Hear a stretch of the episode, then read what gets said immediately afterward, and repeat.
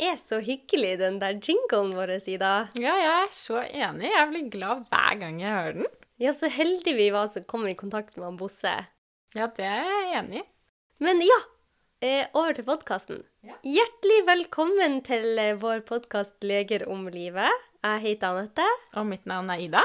og vi er begge leger. Mm. Og over gjennomsnittlig glad i å snakke om helse og kropp. Ja. Det er jo så spennende. Det, det er det. og vi har jo laga denne podkasten fordi vi ønsker å gjøre forskningsbasert kunnskap lett tilgjengelig for alle. Ja, for vi har jo selv sett at det har vært veldig nyttig i våre liv, så vi håper jo at dette kan være fint for andre også. Absolutt. Ja, så i dag så skal vi jo snakke om noe vi alle gjør hver dag, hele dagen. Men før det så er jeg jo spent på hvordan forrige ukes utfordring gikk. Ja. For du fikk som utfordring av meg å spise fem frukt og grønt hver dag.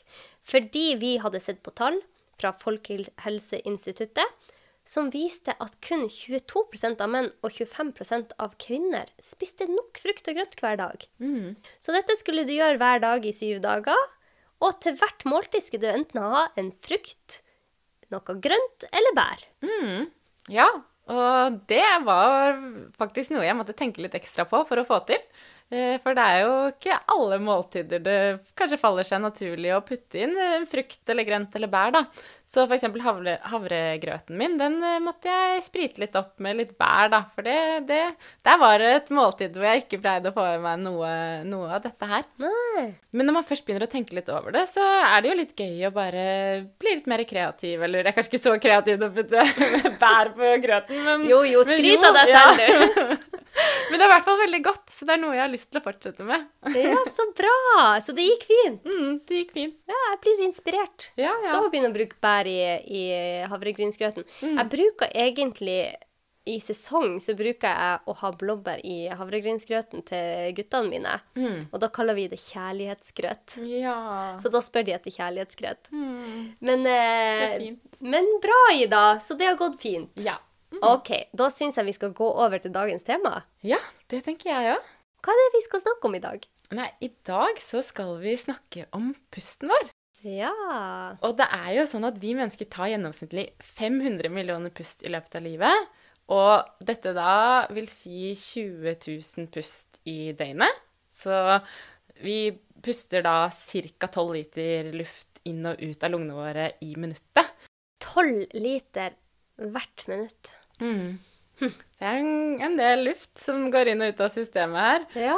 Og det er jo litt gøy å tenke på, fordi de fleste av oss tenker ikke på et eneste av disse pustene her. Nei. Og vi gjør det jo hele tiden. Ja, for pusten er jo ofte noe man ikke tenker på eller gir oppmerksomhet, for det er jo noe vi gjør helt automatisk. Ja, og det er jo sånn, vi mennesker vi har jo flere automatiske kroppslige funksjoner, som f.eks. hjertet vårt. Det slår jo også automatisk, og det, det kan vi jo være med å påvirke. Så f.eks. hvis vi løper for- fort, så begynner det å slå raskere. Eh, men vi kan ikke ta kontroll over det.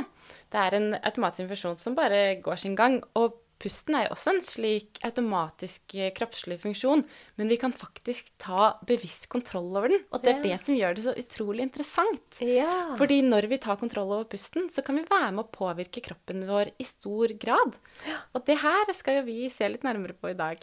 ja, det er jo eh, veldig interessant, for det er jo en automatisk eh, funksjon som vi selv kan ta kontroll over. Og det gjør jo den litt ulik de andre automatiske funksjonene vi har. Men før vi går mer inn på temaet pust, så tenkte jeg at vi skulle forklare hva er egentlig pusten, og hva gjør den? Fordi at når du puster, så passerer jo luft gjennom nesen eller munnen, ned i luftrøra og inn i bronkiene dine. Som igjen går ut i bronkiola, og som da ender opp i noe vi kaller alveola, som er små sekker der oksygenutvekslinga skjer.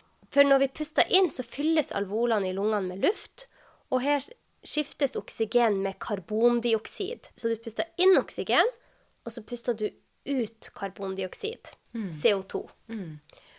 Og blodcellene tar opp oksygen fra de små blodårene i alveolene, samtidig som karbondioksid, som da er et avfallsprodukt for oss, som frigis til lungene fra venene. Så når vi puster ut, så blåses karbondioksiden ut av kroppen. Og oksygenrikt blod strømmer så til hjertet og pumpes ut til kroppen der det trengs. Ja, så arteriene frakter da dette oksygenrike blodet rundt i kroppen.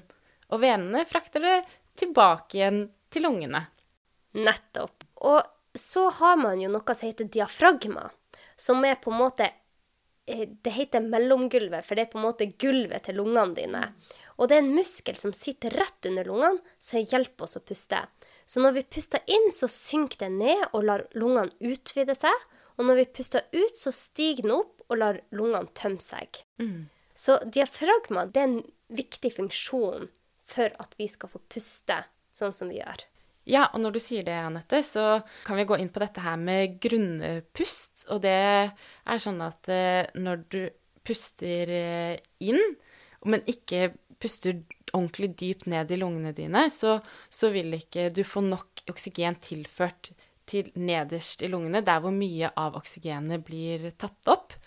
Og, og får, Dette er det vi da kaller grunnepust, og da får vi ikke inn like mye oksygen per pust. Og når man tar disse grunnpustene, da, så kan man aktivere det sympatiske nervesystemet, som altså er dette stressnervesystemet vårt, som kan sette i gang en stressrespons som kan gjøre at vi blir både enda mer kortpustet og engstelige. Mm. Og sette i gang alle disse her stresshormonene, da. Ja. Som vi, vi har jo en episode om stress. Så. Ja, og når du snakker om grunne pust, så når man hyperventilerer, så har man jo òg veldig grunne pust. Men det, da har du igjen også veldig raske pust, som igjen fører til at du får mindre CO2, altså dette avfallsproduktet. For du puster så fort at det forsvinner ut mer. Mm.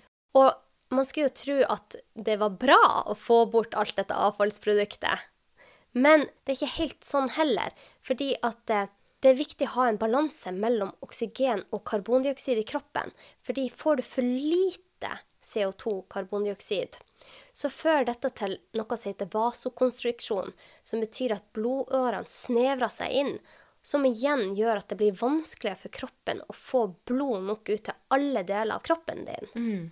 Og når du får så lave karbondioksidnivåer, så får man jo lavere tilførsel av blod til f.eks. jern som kan gjøre at du føler deg svimmel. Og det er jo mange som hyperventilerer, som forteller at de har følt seg veldig svimmel. Eller det kan føre til at du føler prikking i fingre og tær og rundt munnen. Man kan få krampetendenser i fingrene, og alvorlig hyperventilasjon kan jo føre til tap av bevissthet. Mm. Så det er viktig å ha en balanse her. Du vil ha nok oksygen, men du vil også ha nok CO2. Mm. Og motstykket til eh, hyperventilering er da dype pust. Og hvis man puster helt ned i lungene og virkelig fyller de opp, så oppmuntrer man da til full oksygenutveksling. Og det vil si at man får denne gunstige utvekslingen av det innkommende oksygenet og det utgående CO2-et, da. Og denne type pust eh, reduserer da hjerterytmen, kan også senke eller stabilisere blodtrykket og roer ned hele kroppen vår. Ja. Så... Ja, for, for, når du hyperventilerer, så forteller du jo kroppen at her er det noe farlig som skjer. Mm. Her, det er stress. Ja, Stressrespons. Her må man puste fort. Da. men når du puster sakte og dypt, så forteller du kroppen at åh, oh, her har jeg det bra, her er det trygt å være. Mm. Og kroppen responderer på det. Ja, nettopp. Og dette med pusteteknikker og dyp pusting, det er jo eh, tradisjoner som er like gamle som yoga, og går i hvert fall 2000 år tilbake i tid. Og det spiller egentlig ikke så stor rolle hvilke pusteteknikker vi ser på, av de eldre eller de nye, fordi prinsippene er de samme. Og det som er så utrolig fint med pusting, er at det er tilgjengelig for alle. Ja, og det er jo så spennende, for nå kommer det jo mange nye studier som viser at gammel praksis med pusteteknikker har noe for seg. De har jo gjort en studie i USA på astmatikere personer med astma. Astma er jo en kronisk lidelse som gjør at man får en kronisk betennelse i luftveiene. Og betennelsen da i luftveiene, inflammasjon, fører til at luftveiene blir overfølsomme og trekker seg sammen, som igjen gir trange luftrør. Mm. Så dette gjør jo at mange med astma opplever episoder med store pustevansker. Og typiske symptomer er perioder med tungpust, hoste, piping og tetthet i brystet. Så de gjorde en studie i USA på 120 astmatikere, hvor de målte lungefunksjon, lungestørrelsen og blodgassen til eh, disse deltakerne i forkant av studien, og ga da deltakerne en, et håndholdt kapnometer. Og et kapnometer er et måleverktøy som kan måle karbondioksid, altså CO2-konsentrasjon, i utpusten din. Og i fire uker så fulgte de disse pasientene som hadde fått denne CO2-måleren. Så disse pasientene fikk da det kapnometeret og målte nivået gjennom dagen i fire uker. Og hver gang de så at CO2-nivået, karbondioksidnivået, sank, så øvde de seg på å puste saktere og dypere for å holde CO2-nivået på et sunt nivå. Og en måned senere, bare etter fire uker, så hadde 80 av astmatikerne heva sitt hvilende CO2, altså karbondioksidnivå, og opplevde betydelig færre astmaanfall, økt lungefunksjon og en utvidelse av luftveiene. 80 i dag. Ja, det er helt utrolig. Ja, så astmasymptomene hennes hadde enten forsvunnet eller blitt markant redusert. Og det eneste de endra på, var måten de pusta på. Ja, tenk det. Ja, og det må jo legges til at eh, vi ser jo ikke at de med astma skal slutte på astmamedisinene sine, for dette er som et tillegg, ikke sant? Denne informasjonen kan være nyttig informasjon for astmatikere om hvordan de potensielt kan endre pusten sin for å bedre helsa. For pusteøvelser kan jo hjelpe oss med å utvide lungekapasiteten. Men man skal jo ikke kvitte seg med inhalatoren, men kanskje bruke fem til ti minutter om dagen da på å puste saktere. Og så kan man teste. Teste, for det, alle er vi ulike, og noe fungerer for noen, og noe fungerer ikke for noen. Og når vi har snakket om dette med dype pust, så kalles jo også dette for da diafragmapust. Og kan stimulere noe som eh, heter vagusnerven. Og dette er da den tiende hjernenerven vår, så det er en nerve som går rett fra hjernen ned til eh, buken, eller mageregionen, og er eh, tilkoblet alle de største organene i kroppen vår. Og det er sånn at det er en toveiskommunikasjon, så både hjernen sender eh, signaler ned til organene, og så er det disse organene da, som hjerte, lunge, tarm, ja, som sender eh, signaler tilbake igjen til hjernen også. Ja. Så, og det er slik at når vi da puster rolig, så kan vi stimulere denne nerven. Og når vi da stimulerer denne nerven, så setter vi i gang det som heter det parasympatiske nervesystemet, som er da hvil- og fordøy-nervesystemet. ja.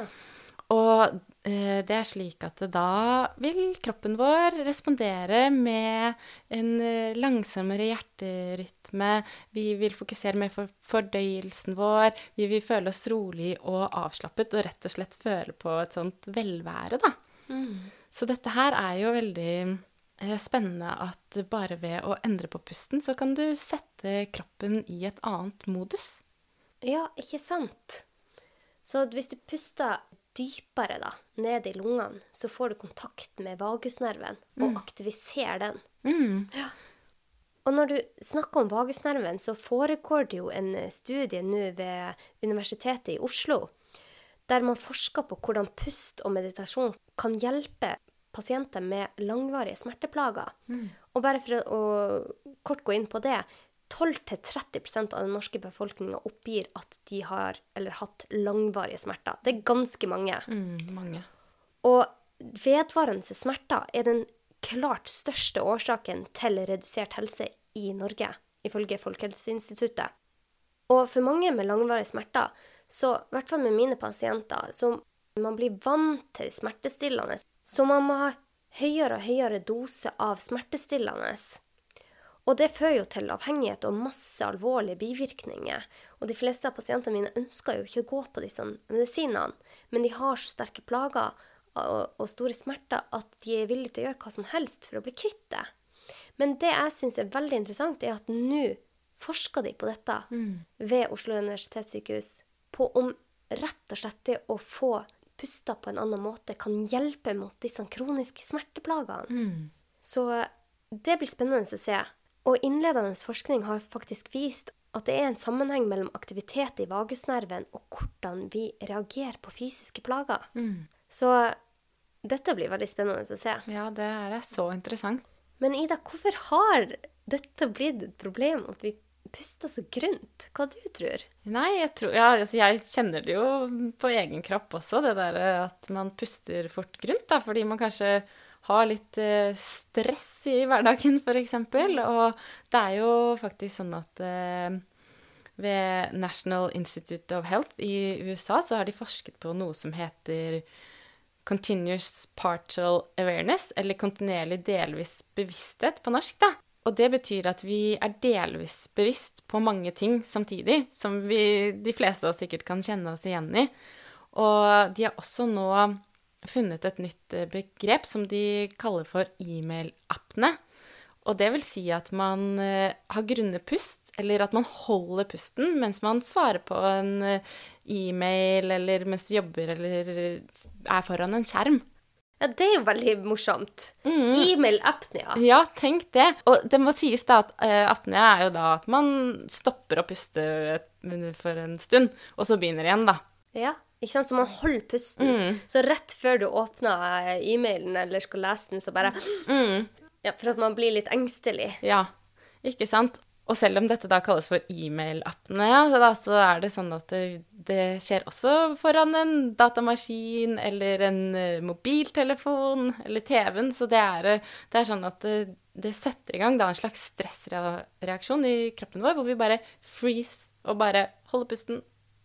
Og, Ja. så, og, så, og så tenker vi ikke på det i det hele tatt. Ja, man holder pusten rett før man skal se på noe som kanskje gir deg litt eh, høyt stressnivå eller litt Ja. eh, uro. Og man har jo sett at dette øker jo ikke bare stressnivået, men det påvirker da holdningen og følelsene våre og velværet vårt, da. Og i tillegg så kan det gjøre at vi jobber mindre effektivt. Men etter at jeg hørte du fortelle meg om dette begrepet, så har jeg tenkt på det selv. Og jeg merker jo selv at det, hvis jeg eh, kommer eh, til dataen min og ser at jeg har fått seks nye e-mailer, så Eller 60! tenk Eller 60! Ja. ja. ja, så blir man jo stressa. Mm. Og da har jeg merka at jeg holder pusten. Bare Mm. Å, 60 nye mail siden Ja. lunsj. Ja. Og da tenker jeg over det. Nå har jeg begynt å tenke på det, sånn at jeg puster dypt igjen da. Mm. For å motgå denne e-mail-apneen som vi mange av oss har. Mm. Men det er en veldig morsom fun fact, og med en gang man blir bevisst på det, så endrer man den responsen. Mm. Så du slipper å få den stressresponsen hver gang du logger inn på dataen din. Mm, ja, ja, for du sender jo da et signal også til hjernen din om at når du da slutter å puste på den måten, så sender du et signal til hjernen din at nå er det fare på ferde, og setter i gang en stressreaksjon i kroppen. Da. Så da er det Ja. jo bare å bli bevisst på det som er liksom første steget, sånn at man kan prøve å puste litt ned i magen ordentlig igjen. Morsomt. Mm. Så eh, da har vi bare et tips om at man skal tenke på pusten med en gang du åpner dataen. ja. Pust ordentlig ned og dypt ned i magen. Ja, ja, ja. Dette går bra. Ja, en interessant studie var jo, ble gjennomført ved et universitet i USA. Det ble, var en randomisert, kontrollert studie med 20 mm, pasienter som led av panikkanfall. panikkanfall. Og de ga da disse 20 deltakerne et kampnometer for å måle da karbondioksidnivået deres gjennom dagen. Ja. Og bare for å forklare hva panikkanfall er, så er det jo en plutselig følelse av intens frykt, og mange føler det som at de skal dø. Man blir jo helt vettskremt når man har det, for man tror jo at det, man kommer til å få et anfall av noe slag, eller et hjerteinfarkt. Og jeg har hatt mange pasienter med dette. Og panikkanfall er jo helt invalidiserende for de som har det, fordi at de sier det kommer bare som lyn fra klar himmel. De klarer ikke å forutse når det skjer. Det kan skje på butikken, eller når de skal hente barnet sitt i barnehagen. Så de blir um, engstelige bare for å gå ut av døra. Så, ja, så de tok 20 av disse pasientene da, og forska på det. Mm, og da er det jo sånn at eh, når et eh, panikkanfall starter, så er det ofte det at det innledes med at det er økning i pustehastighet, og da Ja. vil det bli en da reduksjon i CO2-nivået. Ja. Så det var derfor forskerne var så opptatt av å se på dette CO2-nivået og måle det. Ja, Så de hadde på en måte kapnometeret med seg hele dagen lang Ja. og målte da hvor mye CO2 de hadde Mm. i pusten? Ja, og disse deltakerne, når de da oppdaget at eh, CO2-nivåene deres sank, så skulle de da begynne å fokusere på pusten og puste dypere og roligere for å øke CO2-nivået, for da å kunne forhindre et eh, panikkanfall. Og det var jo faktisk det de klarte. Så man kunne faktisk se på da bare pustefrekvens og spesifikt på CO2-nivået, og da forutse om du skulle få et eh, panikkanfall, og forhindre dette. Ja. Tenk det, Det, så det er interessant. Det er veldig spennende. Så, Mm. så de kunne forutse det Sto det ikke 47 minutter før det inntraff? Mm. Så da visste de OK, nå skjer det noe med pusten. Jeg puster for grunt. Nå må jeg konsentrere meg om pusten. Mm. Og så klarte man å forhindre panikkanfall. Dette håper jeg det blir større studier på, for det er Det kan jo endre liv. Nå fikk jeg veldig lyst til å ringe en av eh, pasientene mine og, be han om å få et kapnometer. Men Ida, har du noen teknikker eller råd som viser seg å hjelpe oss som har lyst til å ha litt mer eh, fokus på pusten, eller eh, bli litt mer avslappa? Ja, det har jeg. Og det første er jo å bli bevisst på pusten og faktisk tenke over det. Og det er jo sånn at eh, normal pustefrekvens er mellom 12 og 16 pust i minuttet, eller 12 og 18 pust i minuttet. Det kommer an på hvilke retningslinjer vi ser på. Men den pustingen vi skal eh, gå mer inn på nå, er jo mye saktere enn dette. Så det kan jo kanskje føles litt rart i starten, da, men, eh, men man kan jo øve seg på dette og bli mer vant til å puste roligere. Og først så kan vi jo gå inn på dette hvordan kan vi aktivere vagusnerven og roe ned nervesystemet. Og det er da med disse dype inn- og utpustene som vi styrer selv med bevisst bruk av dette mellomgulvet, da, som kalles for diafragmapust. Og når vi gjør denne diafragmapusten med en jevn rytme på 5-7 pust i minuttet, så aktiverer man da eh, vagusnerven. Og du skal gjerne ha et lengre utpust enn innpust. Så da er det denne her eh, 3-4-5-teknikken, som vi kaller det, som er det at man har eh, Man puster inn i tre sekunder. Så holder man pusten i fire sekunder, og så puster man ut i fem sekunder. Og da vil du ligge på fem pust i minuttet hvis du gjør, puster eh, med denne teknikken her, da. Ja.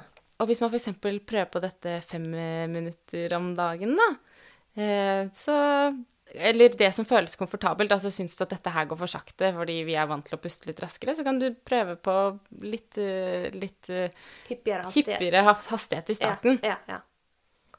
OK. Tre-fire-fem-teknikken. Mm. Og så er det en annen teknikk som heter 4-7-8-teknikken. Den kan være fin å f.eks. prøve før man skal sove, for dette kan gjøre deg avslappet. Og da skal man eh, fokusere på følgende pustemønster. At du puster inn gjennom nesen i fire sekunder. Og så holder du pusten i syv sekunder. Og så puster du kraftig ut gjennom munnen og trekker leppene sammen og lager en litt sånn vosj-lyd da, i åtte sekunder. Og dette Kan ikke du demonstrere? Og dette skal man gjenta da opptil fire ganger. Ja, så da teller jeg med deg. Mm. To, tre, fire. Én, to, tre, fire, fem, seks, syv. Så puste ut på åtte. Fire, fem, seks, syv, åtte. Nå så du veldig morsom ut i dag, men, men det, det der tror jeg er kjempebra. Ja, Ja. og så kan man gjenta dette da. ja, men, ja, man ser kanskje litt morsom ut når man gjør det, men det i hvert fall gir god effekt. i. Ja!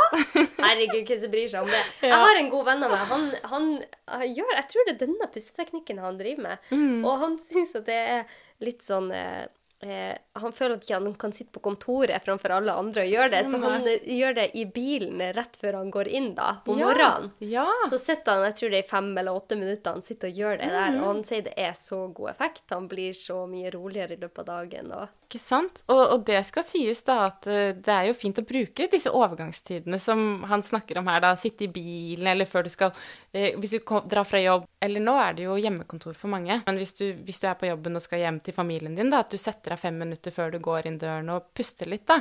Mm. Og bare roer litt ned. Eller f.eks. hvis du har hjemmekontor og du tar to minutter eller fem minutter før lunsjen, da. Sånn at man, uh, man roer litt ned i løpet av dagen. Ja. Mm, så det er jo et var... godt eh, tips. Godt tips. Mm. Og så er det jo et annet tips, og det er dette at det, det, kan jo gjøres hvor som helst. Det er ikke sånn at du må sette av fem minutter i løpet av dagen. Du kan sitte foran dataen eller foran TV-en eller ved middagsbordet eller når du går på tur. Eller sitte på bussen, kjøre bil. Altså, det kan gjøres eh, hvor som helst, når som helst. Det å puste dypt, ja. ja. Ikke de pusteteknikkene, for da kan man eh, bli litt svimmel, men eh, Ja. Men, men, ja, dyp pust, ja. ja hvis, du, hvis, du, har øvd opp eh, puste, disse pusteteknikkene For det, det, skal sies da at hvis du I hvert fall den der 4-7-8-teknikken kan jo kanskje gjøre deg litt svimmel i starten hvis ikke du er vant til å puste sånn. Uh, men hvis du øver det opp, så kan det føles mer naturlig etter hvert. Og kanskje du rett og slett kommer til å begynne å puste litt roligere på generell basis, da. Ja. Mm. Ja, bare det å være litt bevisst på det. Mm. Nei, det er artig. Mm. OK, så konklusjonen er å puste dypere og saktere. Altså færre pusteminutter. Ha lengre utpust enn innpust. Og man kan prøve å puste f.eks. fem pust i minuttet i fem minutter hver dag i en uke. Mm, for å se om man får noe effekt, da. Det er jo en god eh, ja, utfordring. Det er min ukes challenge til deg, Anette. Å oh, ja, det er det, ja. ja. Så du skal sette av fem minutter hver dag i en uke. Og puste da den tre-fire-fem-teknikken, som gir deg da fem pust i minuttet. Oi. Så dette her skal du ja, sette av Fem minutter. Fem minutter. Hver dag. Hver dag, ja. Og så skal vi se hvordan det har føltes så godt uh, neste uke. OK, så bra. Jeg, har kjempetrua på at uh, pusten kan hjelpe for uh, mye. Mm. Så det skal jeg gjøre. Det er greit. Mm. Supert. Ja, så bra. Ja. Men da, da kan vi bare avslutte med å si takk for oss. Ja. Og hvis dere liker podkasten vår og vil følge med på episoder fremover, så er det bare å trykke på abonner. Ja. Så får dere med dere at det kommer ut en ny episode, og det er hver tirsdag. Hver tirsdag. Og så kan man følge oss på Instagram og Facebook hvis man har lyst til det. Ja. OK, da takker vi for oss. Da håper vi at du får en rolig dag med roligere pust. Ja, og kanskje tenke litt på pusten din eh, denne dagen, i hvert fall. Ja. OK. Ha det. Ha det.